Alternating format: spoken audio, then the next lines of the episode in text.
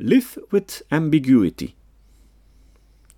Laat me beginnen met te stellen dat ik niets heb tegen de competentie Live with ambiguity op zich.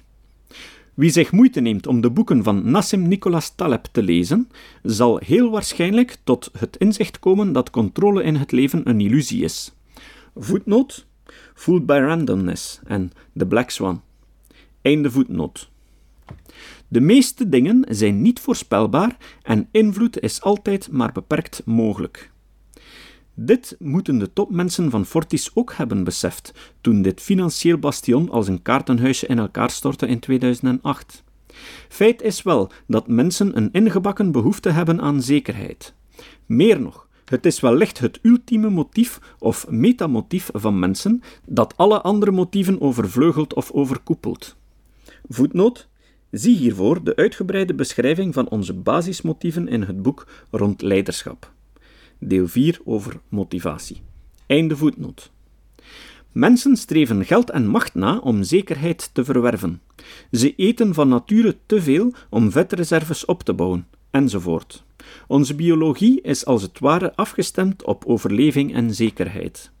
Het is met andere woorden dus uitermate tergend dat leidinggevenden van hun medewerkers verlangen dat ze moeten leren leven met ambiguïteit. Deze competentie is wel wenselijk voor leidinggevenden.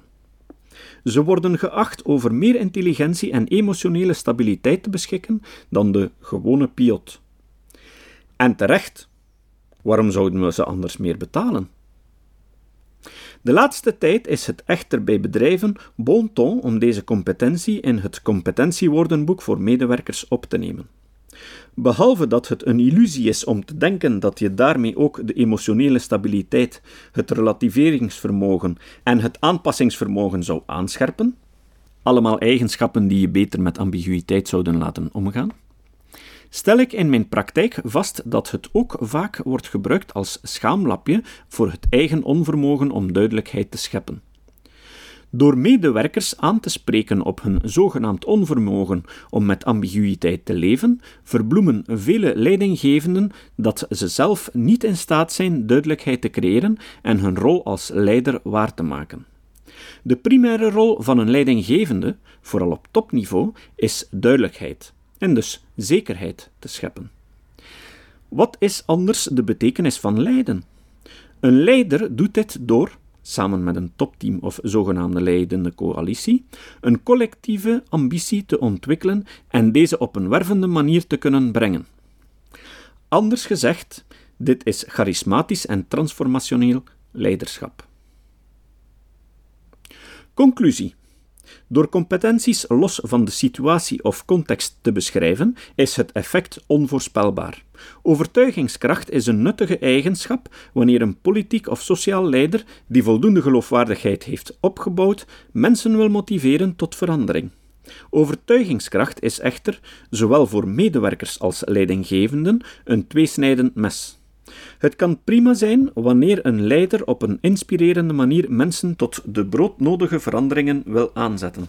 Beslissingen nemen op basis van louter overtuigingskracht is echter ronduit gevaarlijk.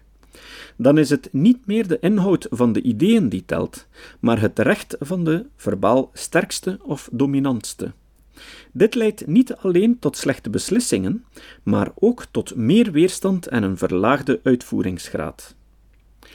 Live with ambiguity is een mooie slogan voor leidinggevenden, maar dit ontslaat hen niet van de plicht om voor de medewerkers zoveel mogelijk duidelijkheid en zekerheid te scheppen.